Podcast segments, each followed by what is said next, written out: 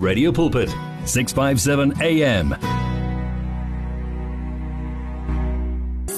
Sombatha uthi ungithembisile. Yebo uJehova ukuthi ngeke angishiye ngeke angiyeke.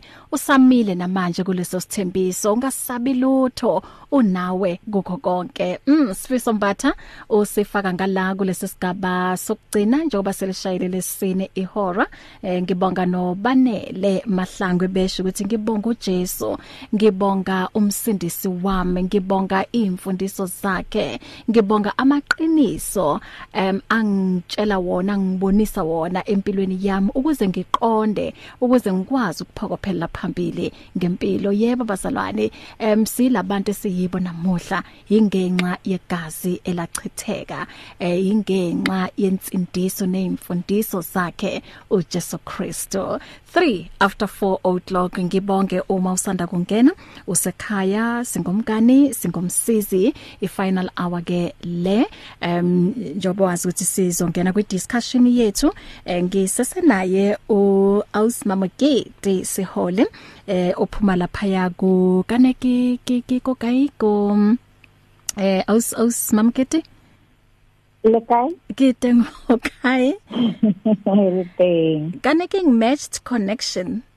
That's correct, ma. M matched connection. Yes, we CEO uh ye matched connection. So nakulolu suku ke sikhuluma nje um izinto ukuthi zingakusiza ekugcineni kosuku ithi uma ungena mhlawumbe ku a new relationship or mhlawumbe usayilungiselela ukungena emshadweni awukho sure ukuthi mara the person ikunalengiyena is he or is she the right person oyileng hore nkakena liyena kulinyalong so ngezinye zeimfundiso lezi esiyithola kuye ezingasiza ukuthi lapho ukhetha khona umlingani lapho ukhetha khona um umuntu ozogcina ke a spouse sakho ngabe he or she is the right person. Last week sikhulume um okubalekile kakhulu sibuke uh, the five love language and then sabuka futhi uh, the four temperaments and how they affect ekutheni si relate kanjani nabanye abantu. Um Osmamkete ngiphinde ngikwamukele. Ke leboga o sibohle ke thabetse go ba le lena Mm. ke dumedise le ba re se kwa gae as well. Amen amen. Nanamuhla ngisasho ukuthi mm, umsebenzi niwenzayo umsebenzi um omuhle kakhulu because yazi re khathetse tlheng bathong gore always he re tlo utlwela di testimony especially he di tlhaga go bathong ba bomme eh ke abuse um like um, s- um, yes ke most of the time ke abuse re ka di re ka itlhalosa yo yotlhe abuse but most of the time into ngiyiqaphela ukuthi mo hae mo ha bomme batla ba tlo share di stories tsa bona. And most of most of the time e e thoma mo mo di relationshiping. And how re o tlo utlwella taba ya hae ke gore you know what motho ne ke so mitsipila and i thought gore ntho ampoleletseng yona ke ke yona ka mo believer. Mara se neng neng after f- a, a few months really together ka bona site e nngwe ya hae. Ke a thoma ya nong ke ba confused. Ke a thoma ya nong ke experience um abuse erileng wa ditse di tla ka me- ka ka mefuta futa ya tsona. Financial abuse you know tsotsotlhe tse tseo ka dinahanang so ingakho sithi a re bueng gore ke tse feng dilo tse tshwantseng o di lebelle and how tlo batla molekane or eh o maybe o setse o le ready gore o o ka kreiwa a kere mme yena ha hanti wa hantiwa yes. Find the, he who finds a wife. Yes, yes. So, um s- re ile ra bua um dilo tse di important especially uma kuzalam go the four temperaments and how they affect ekutheni eh se relate kanjani and then wasbalela zona so re ka buela hape morago maybe ra bua eh, ra ra lebella hape for temperaments. Okay. Mm. um so the the four basic temperaments ya mathomo ke sanguine. Mm. Eh motho o eleng gore o o sanguine ke batho ba ileng hore ba rata batho thata. Ba rata ho dula le batho ba rata mo go leng monate. Um if ba ba tlhakane le batho they are likely the ones to make jokes and to make everybody feel comfortable. Ke di extrovert hangata um ba talkative um ba rata go thusana as batho ba encourage batho gore ba thusane. Um ke batho ba ileng gore nako nngwe um ba bua ke se leng mo pelong ya bona. Gore hangata a sanguine person you never really have to wonder gore o bolella nnete or o bolella maka se se leng mo pelong ba se bue. Se se mo pelong. Eh and they just like enjoying themselves. They're also very generous. Mm. um abarate stra abarate stress eh but also ba borega ka pele. Mm. eh ke batho ba ileng hore eh ba ka lose attention ka pele. Ke motho e leng hore if o mo kopile hore ke kopa o etse ntho e itseng mm. maybe hore o moleletse in the morning gore ha o chaisa ke kopa o tle le lebese mm.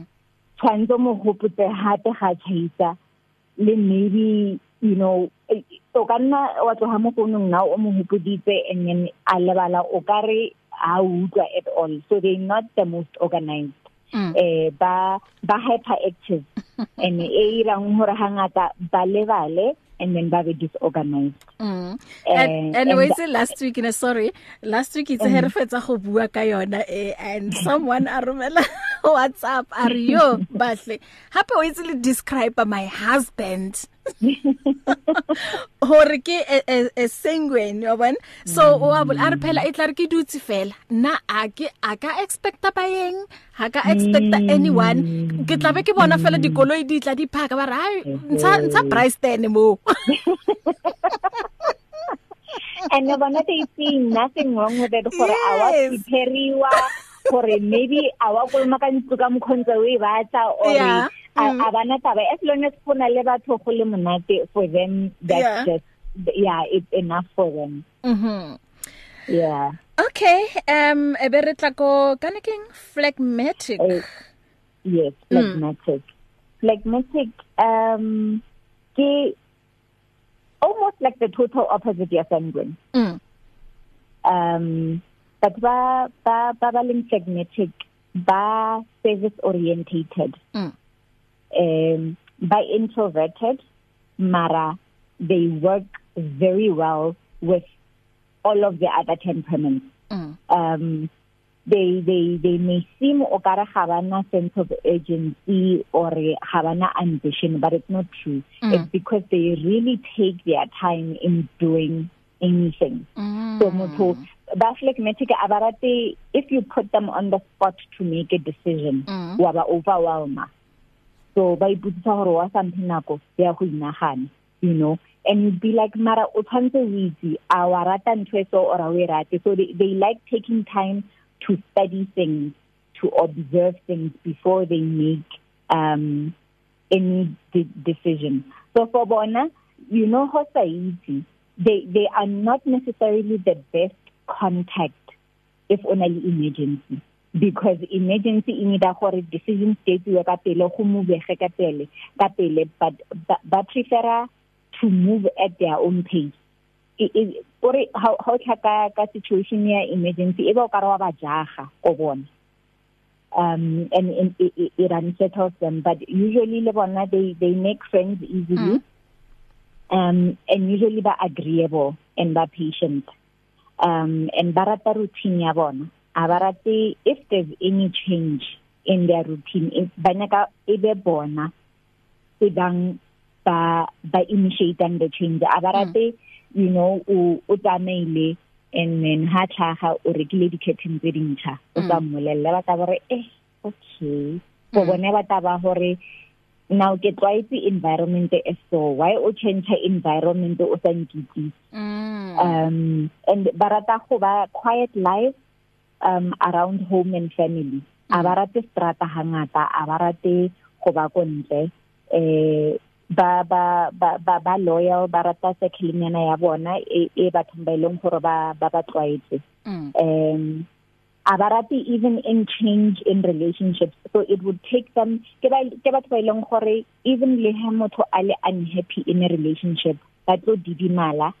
Until a point where they can't take it anymore mm. then e batla ba hore a tsile ke tsamaile and then wa makala re how re lwele hawane mothushu o tsamaile ha sa ditsena mm. kanteng tse ba didimetse ba o shebile ba itidimalletse hoping gore o tla bona gore a ba thaba mm. cause ha ba rate confrontation a ba rate le any situation that is uncomfortable so mm. ba rata go utlwana fela go be le peace at whatever cost but they do have a point of no return hangata ba bona mm. where they feel like eh go lekane go utlwile. Ke batho ba ileng gore wa makala after maybe 40 years of marriage motho ba re eh get divorce i can't take it anymore. Mm. ke mara 40 years in zoli day and then how I change ke eng?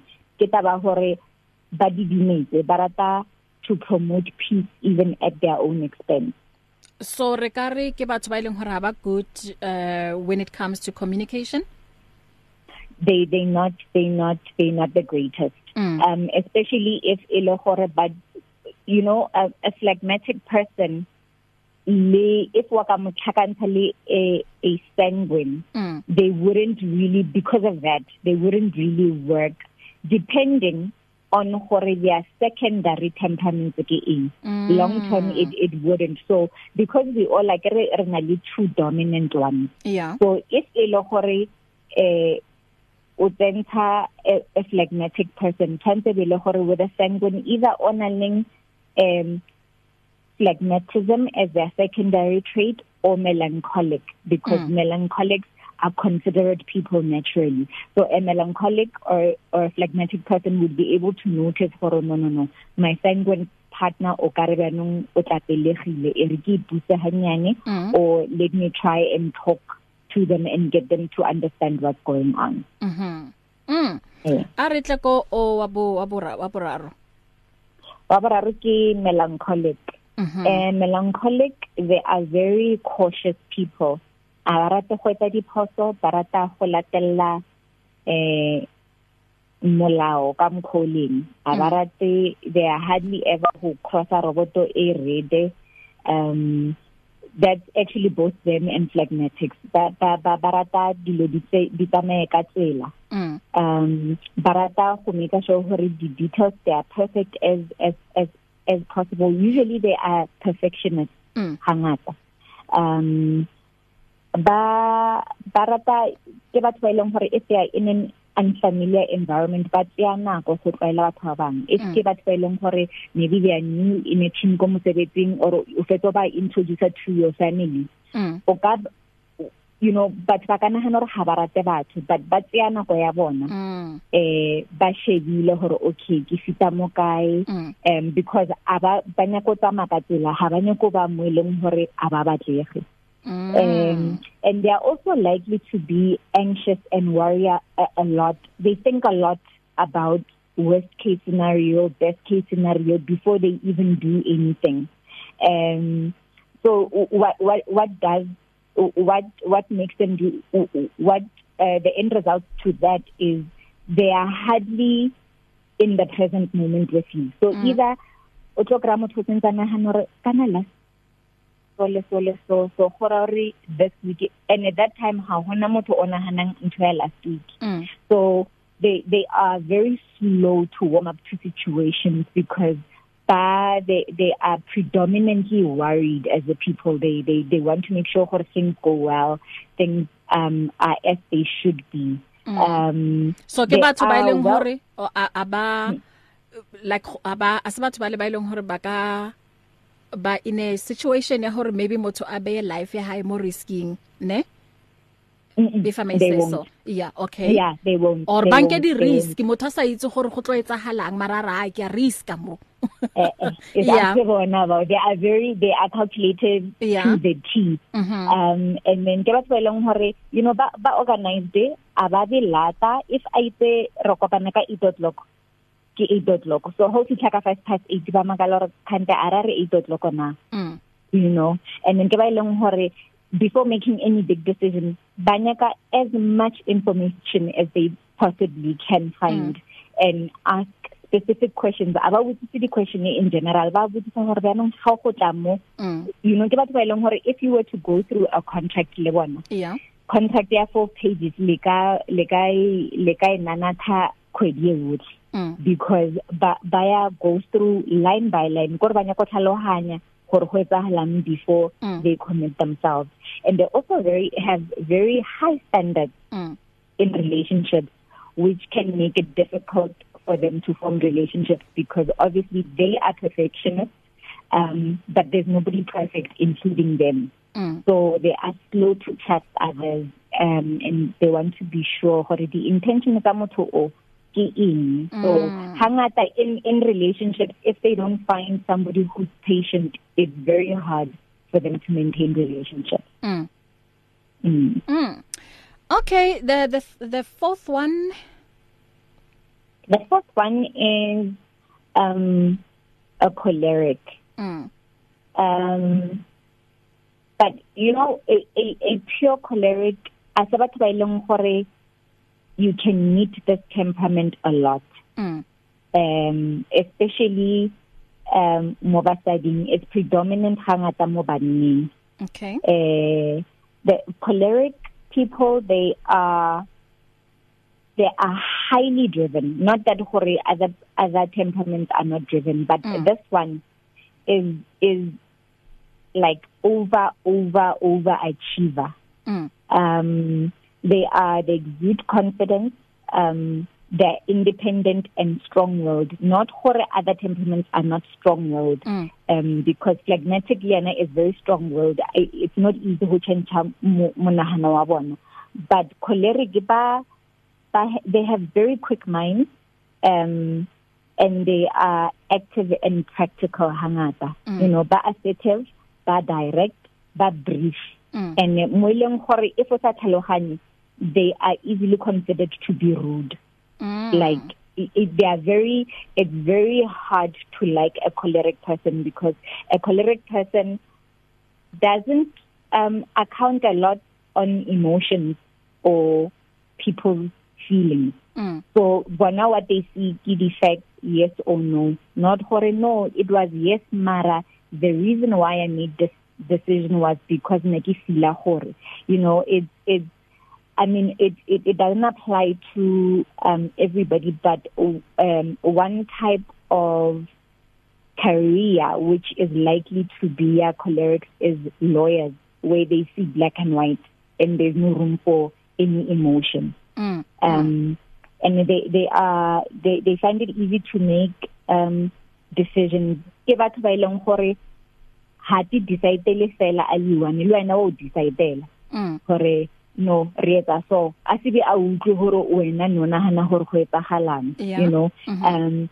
they they they they are not um necessarily compassionate Mm. as a people. They are very slow to build uh relationships. They have very few friends. Um and then they they don't tend to empathize le batho ba bang Mm. you know. Aba but the good thing about cholerics uh, is they are slow to anger.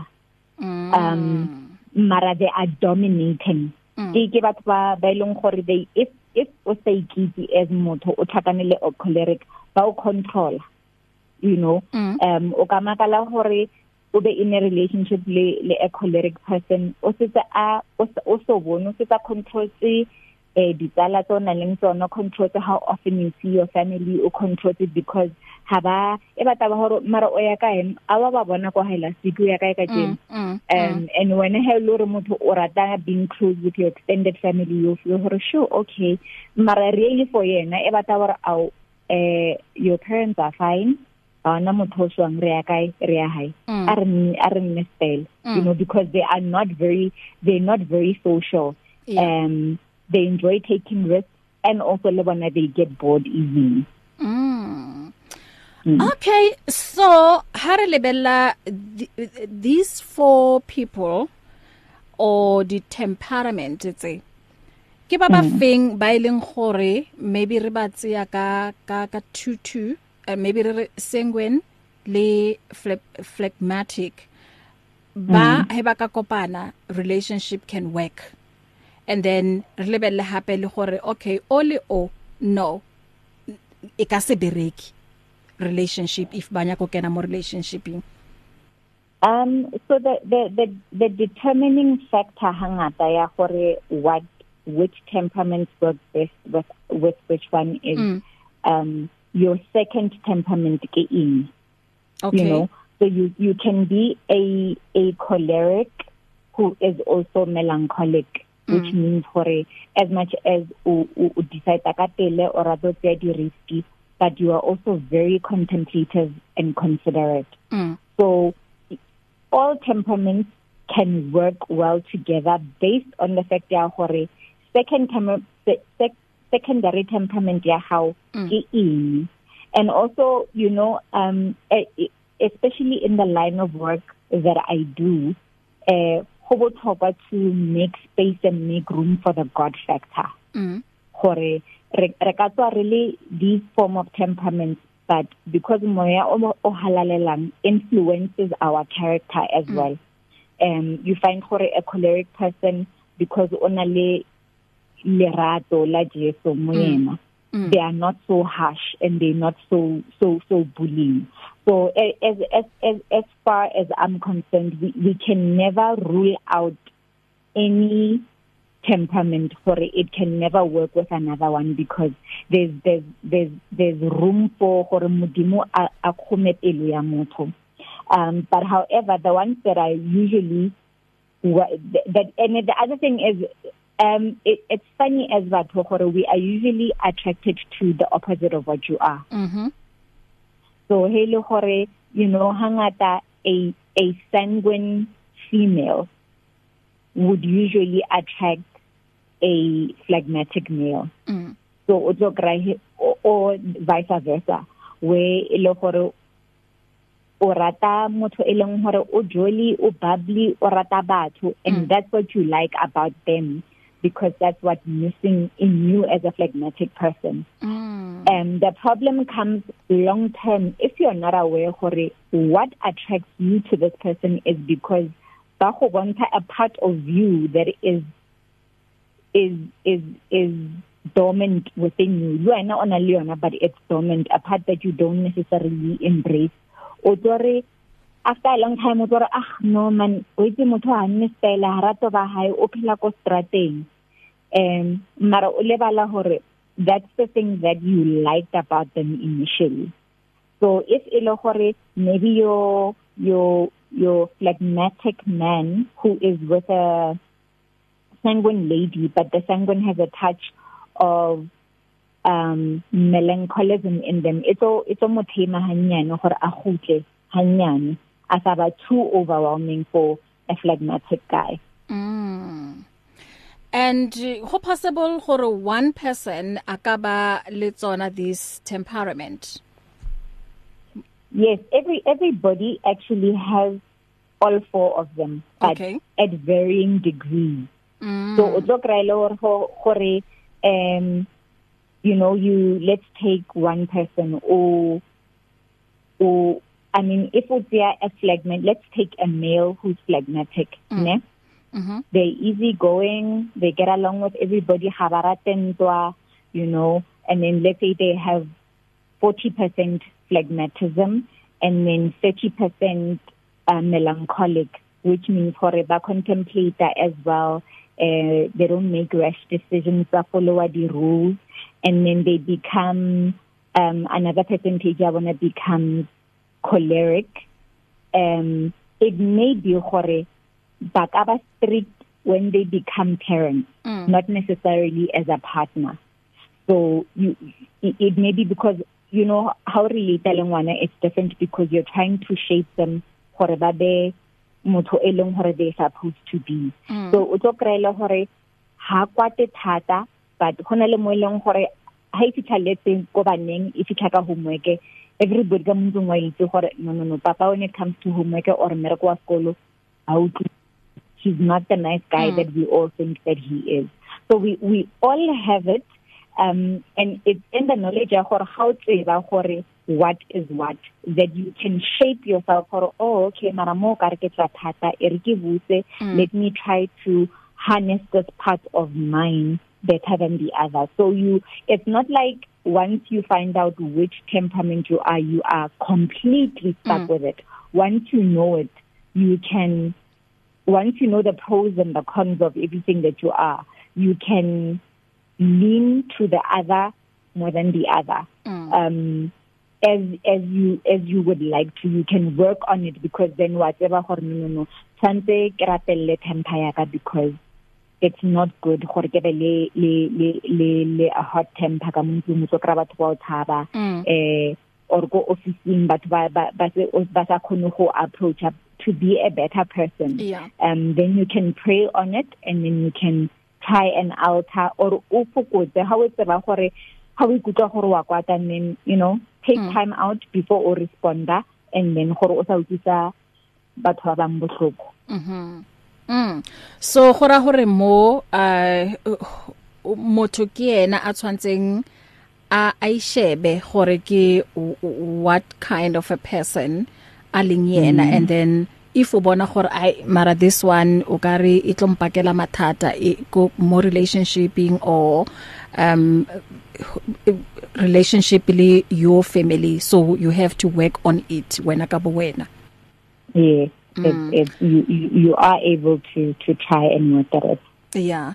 Okay um ngicela ukuthi sithathe i break lana and uma sibuya um sizoqhubeka ke sibuke the five communication styles and conflict resolution.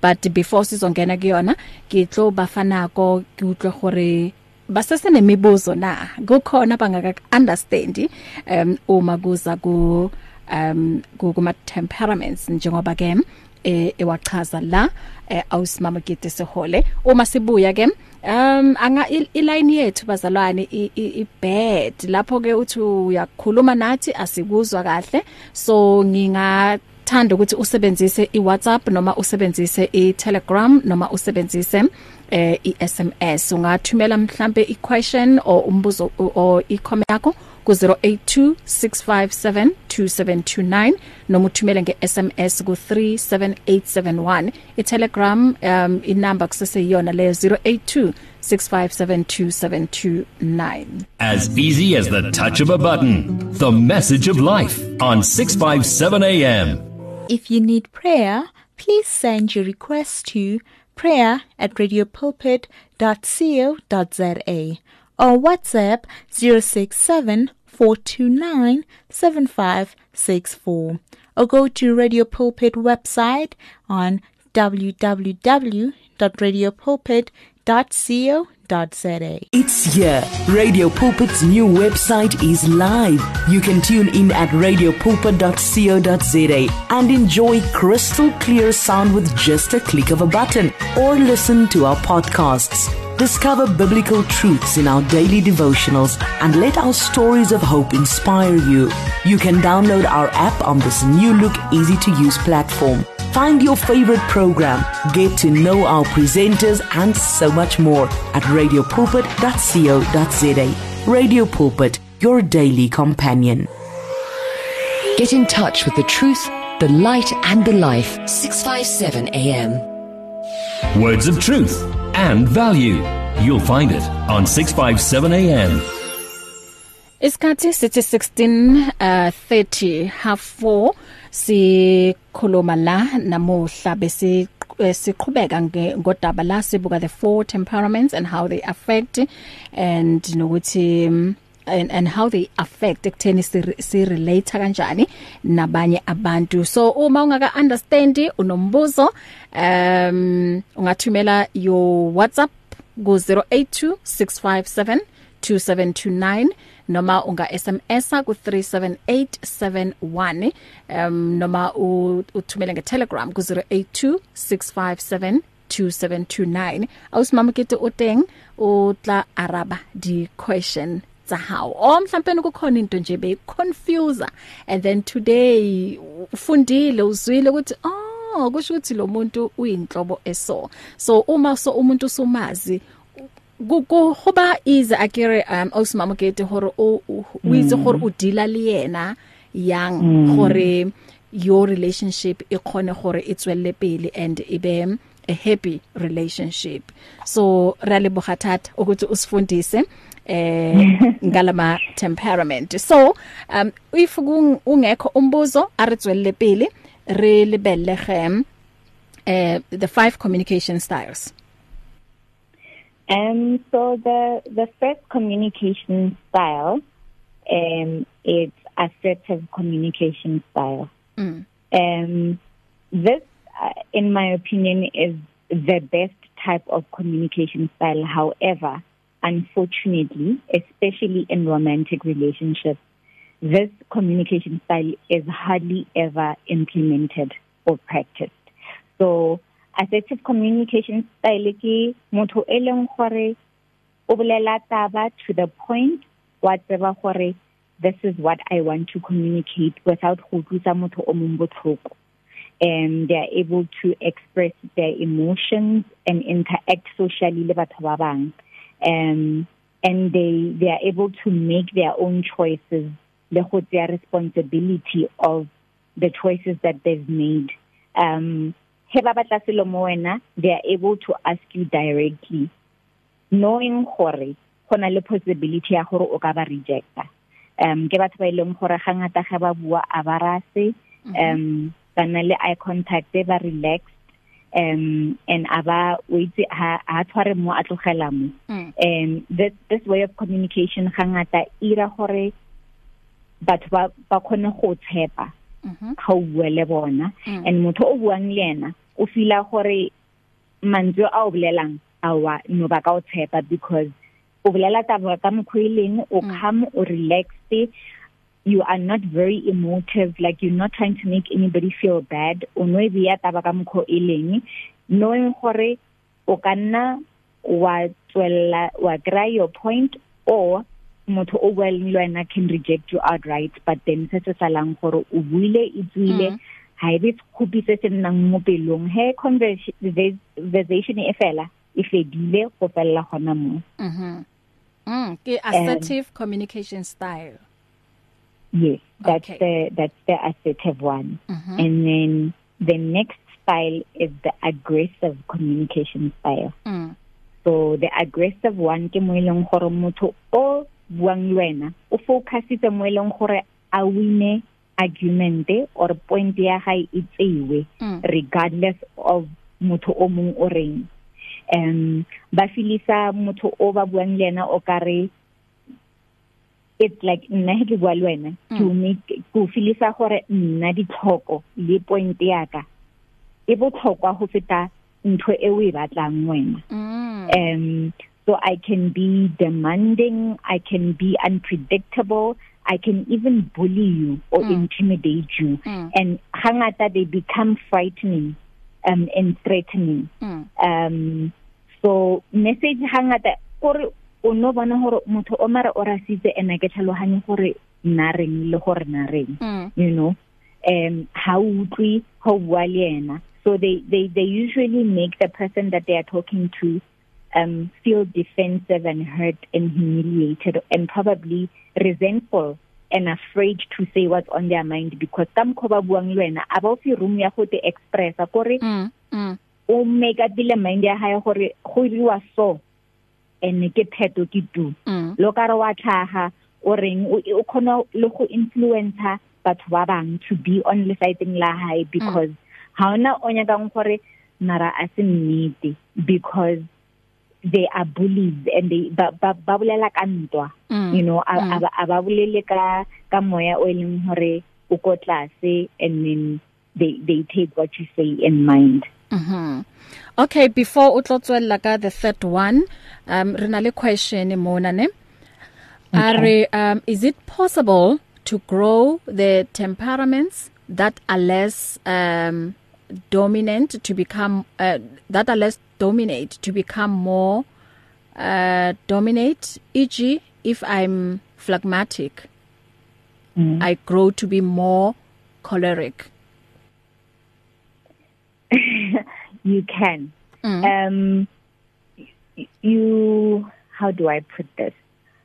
You can improve your traits so if ile gore you you are phlegmatic mm ne one of the general as an example one of the general traits that phlegmatic people is they don't like confrontation mm -hmm. so let's let's take that as a confrontation.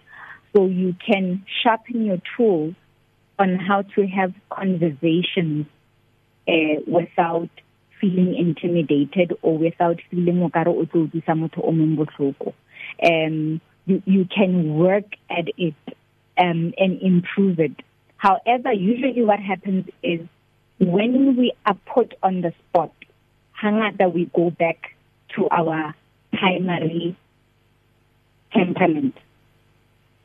So you can you can work on that trait long term because what whatever habit that you practice a lot of the time you you become. So it's not like you you you you are stuck not being able to change. However it may be that if it's testing now yeah temperament um you you are phlegmatic you are still let's say you were 60% phlegmatic before you started working on it ne? You are likely to work on it and still be 50% phlegmatic predominantly because ke ka mkho you know we are all wired in a particular way.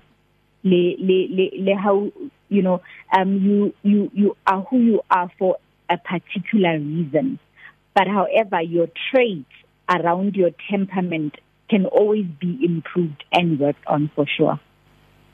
Mm. Okay, let's hope gore o arabegile. Um okay, uh, a re tswelle pele uh, the third communication style. Akere really the first one ke uh, assertive communication style and then the second yeah. one ke aggressive um communication style. So re kena go the third one. The third one ke um passive aggressive communication style. Mm. Ke mo leng gore motho um let's say o bua le yena um o dumellana le wena. Mm. um mara ka mogare a dumellane le wena. O tsara wa gafa o a reng mara? Mm wa smile no eh eh okay ke dumela. O bua nnete. Mara ka mogare no re a ntloela hantle a ona ntshego yeah. And um the reason why ba sa bue gore ha ba dumellane le wena mm. is because abana ba fila o ka re ba powerless and then that thing builds up resentment ka mogara bona mm.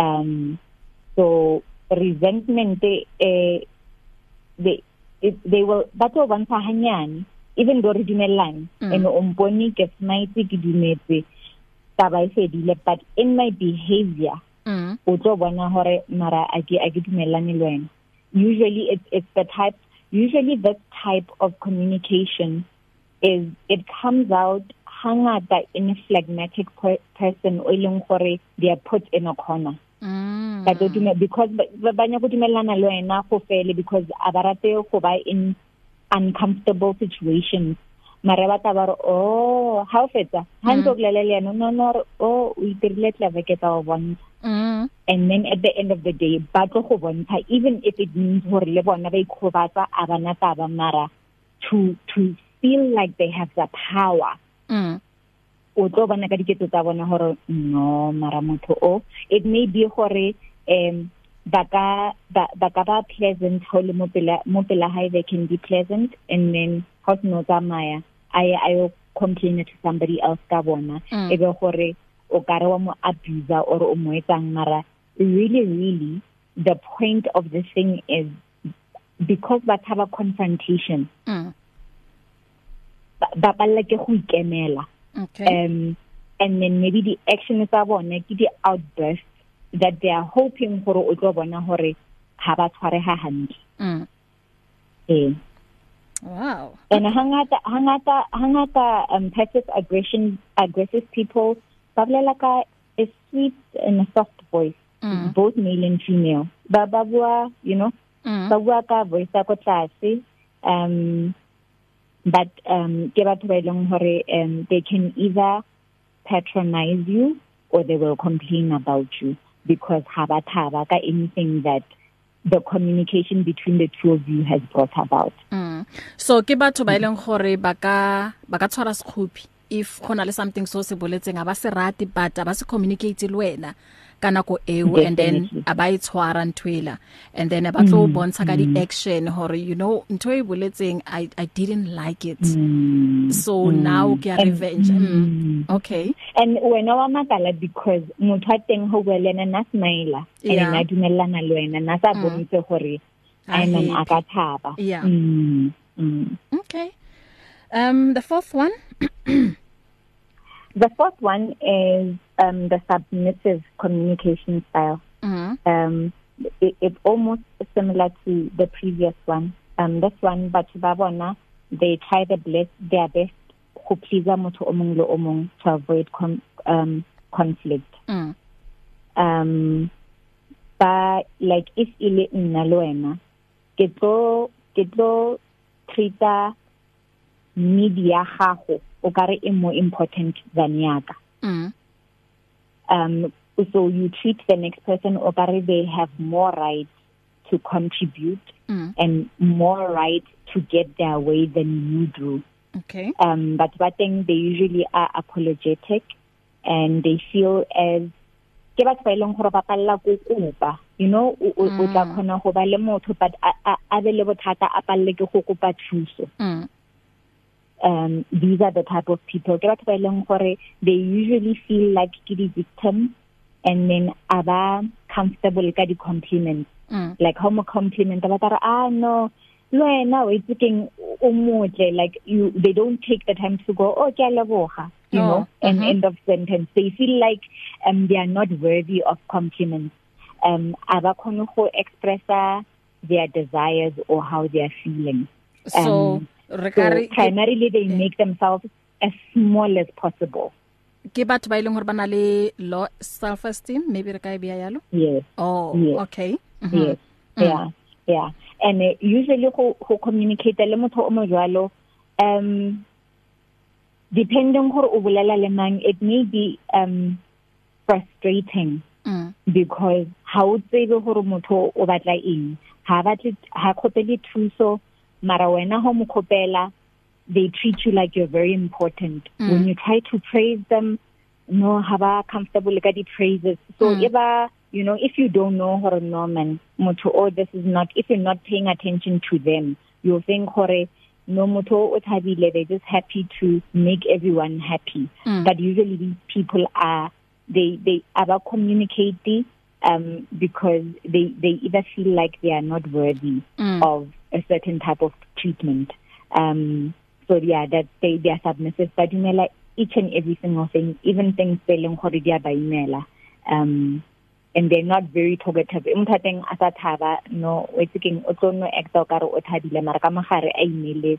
Mm. begile Mm. hangata people with the submissive communication style o tso makala ke batho ba ileng gore hangata ra makala di nthonte di tama hantle motho have committed suicide and you like how mm. um re dumellane hore we are going on holiday next week um ne ke nagana hore motho o o shapo but then you end up hore these are the type of people they are able go ba a, a friend to somebody else mara mm. they are not able to let someone in to be their friend Mm. Mm. mm.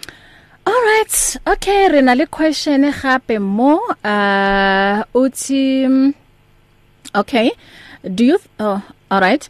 Do you think there is something deeper Uh okay, no, let let let let me start with this one. Okay, what are more practical ways for a passive person and submissive person to grow in expressing themselves better beyond just praying about it?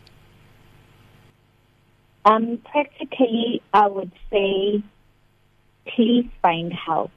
Um, either bua le a a therapist because hangata for you to be submissive um, to that extent um, or, or or passive aggressive, ke gore you are not feeling comfortable expressing yourself and saying your boundaries.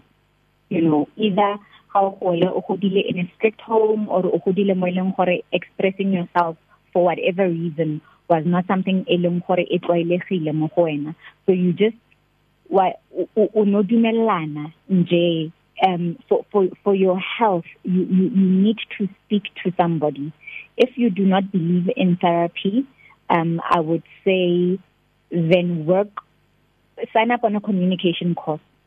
Um that will help you express what you want to say. Because hangata um if o be somebody with these communication styles in a corner gore ba bue ba palla go express because ba feletsa balla or ba feletsa ifile bana ba feletsa bano bano kwata with with with outbursts tsa go kwata.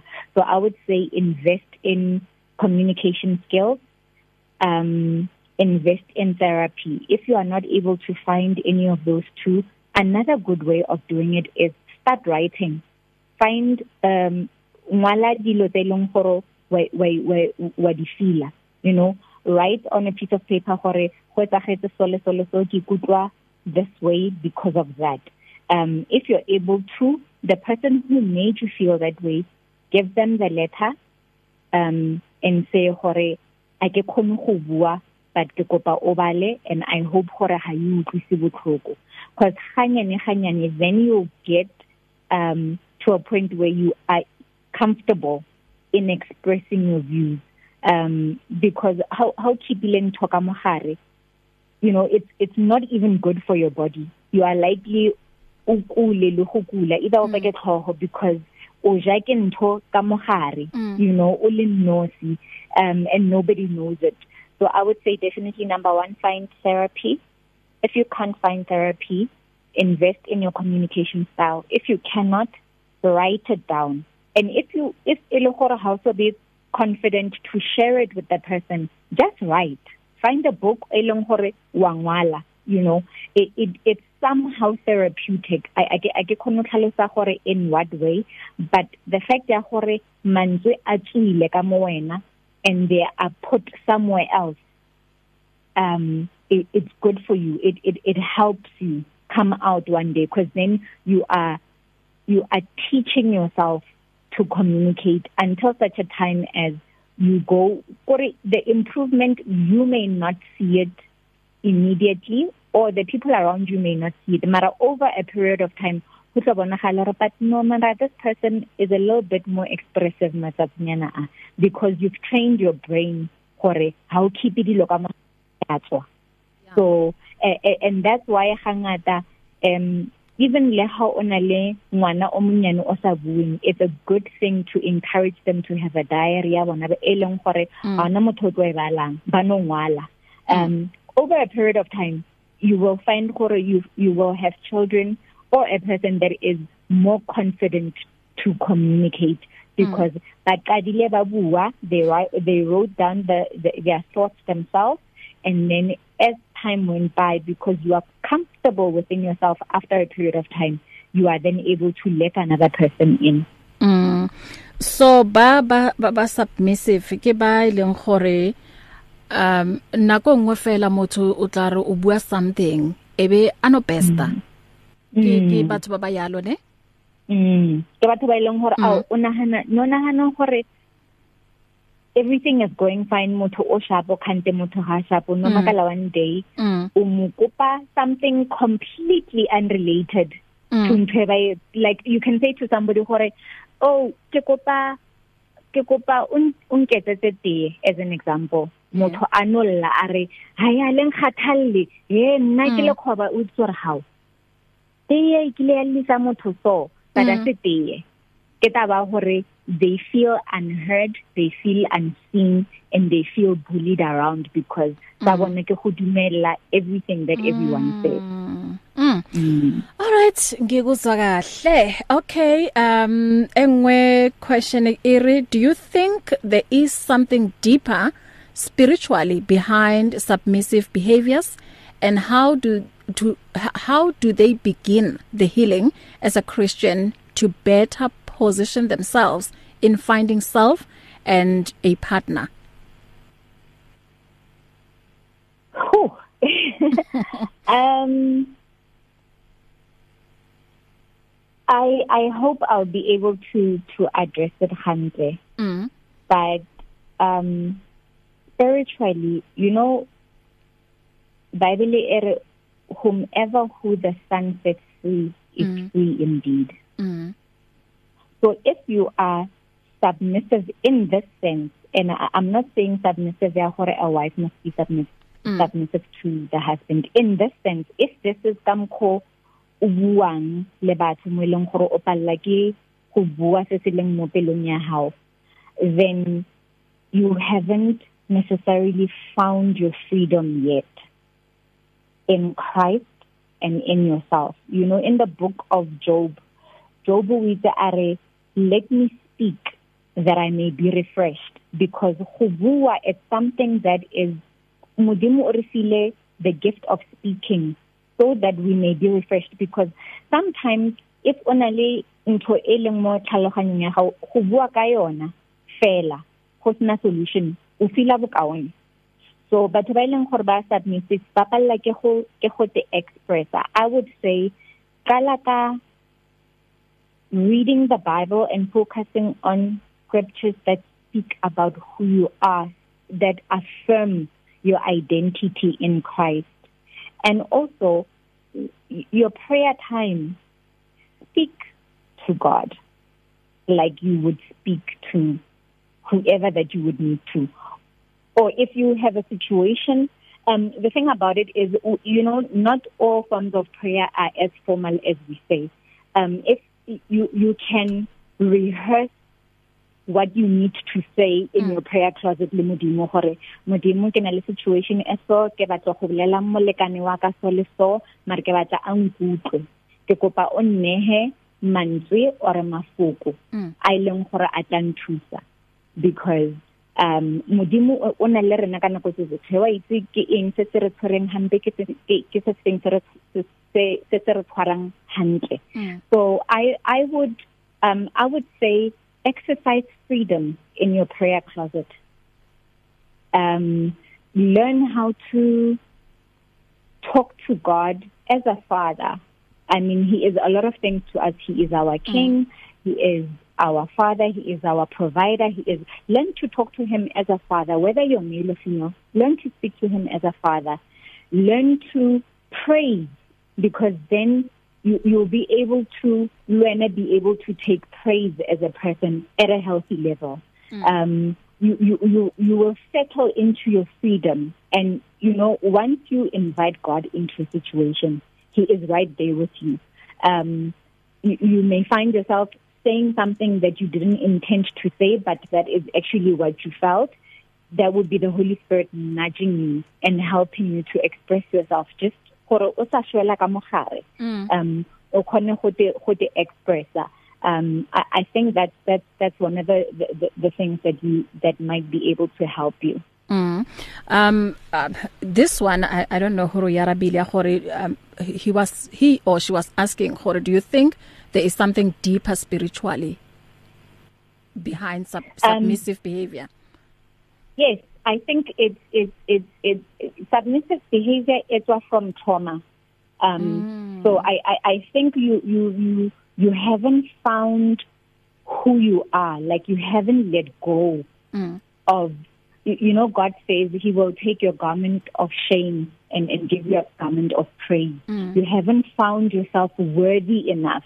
So you, th that's why I'm saying you need to focus on scriptures that speak about your freedom and mm. affirm your identity in Christ because mm.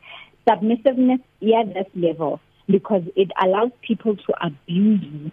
It means gore self esteem ya gago e ko tlase. So you need to build yourself up in the word because the word is a mirror of who we are. Mm. it cleanses us of pain. It cleanses us as of of of of past traumas.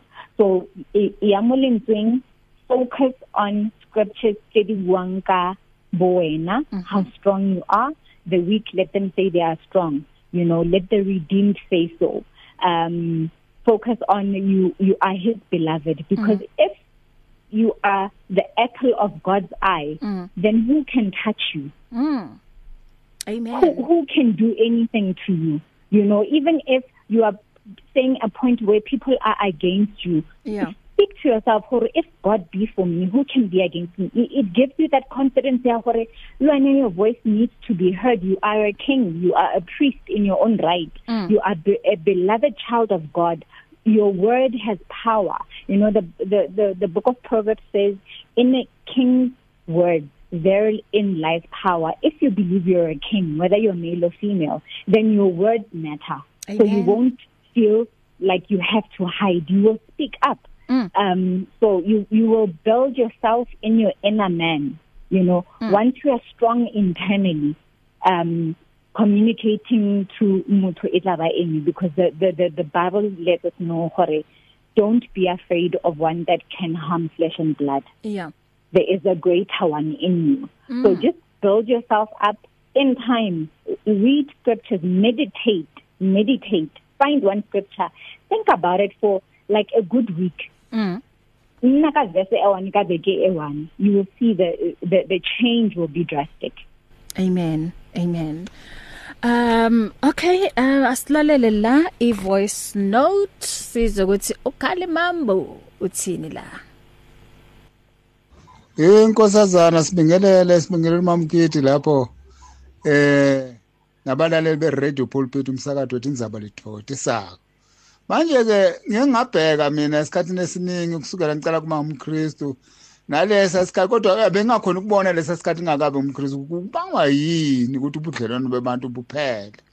Manje uma sengiba umzalwana ngabheka ngabona ukuthi inkinga yakhona ijustice. Ijustice isuke ingekho emzimbeni yethu. Ngokuba ijustice iyona le ekhulula umuntu abe ngumuntu lokhululekile kukhona ukusebenza intokozo. Kukhona ukusebenza uthando emizimbeni yethu. Ngokuba lezi zinto zama relationships zifuna lona uthando zifuna intokozo. Manje ke esikhathini esiningi abantu abakhona ukubhekana ukuthi lo baba unayo intokozo unayo intokozo unako ukuthi ngoba lo baba lo uthola ukuthi uhleka ngeChristmas akuphela enkani ubona izinyo lakhe. Manje relationship ayikufuni lokho. Relationship ufuna ukuba bahlala tokozile njengezwi likaNkulunkulu lihlalani tsamani mitsakile. Intokozo ukutsaka phela. Kanti baba unkosazana khali mambo okay. Yeah okay. Akicomment ne?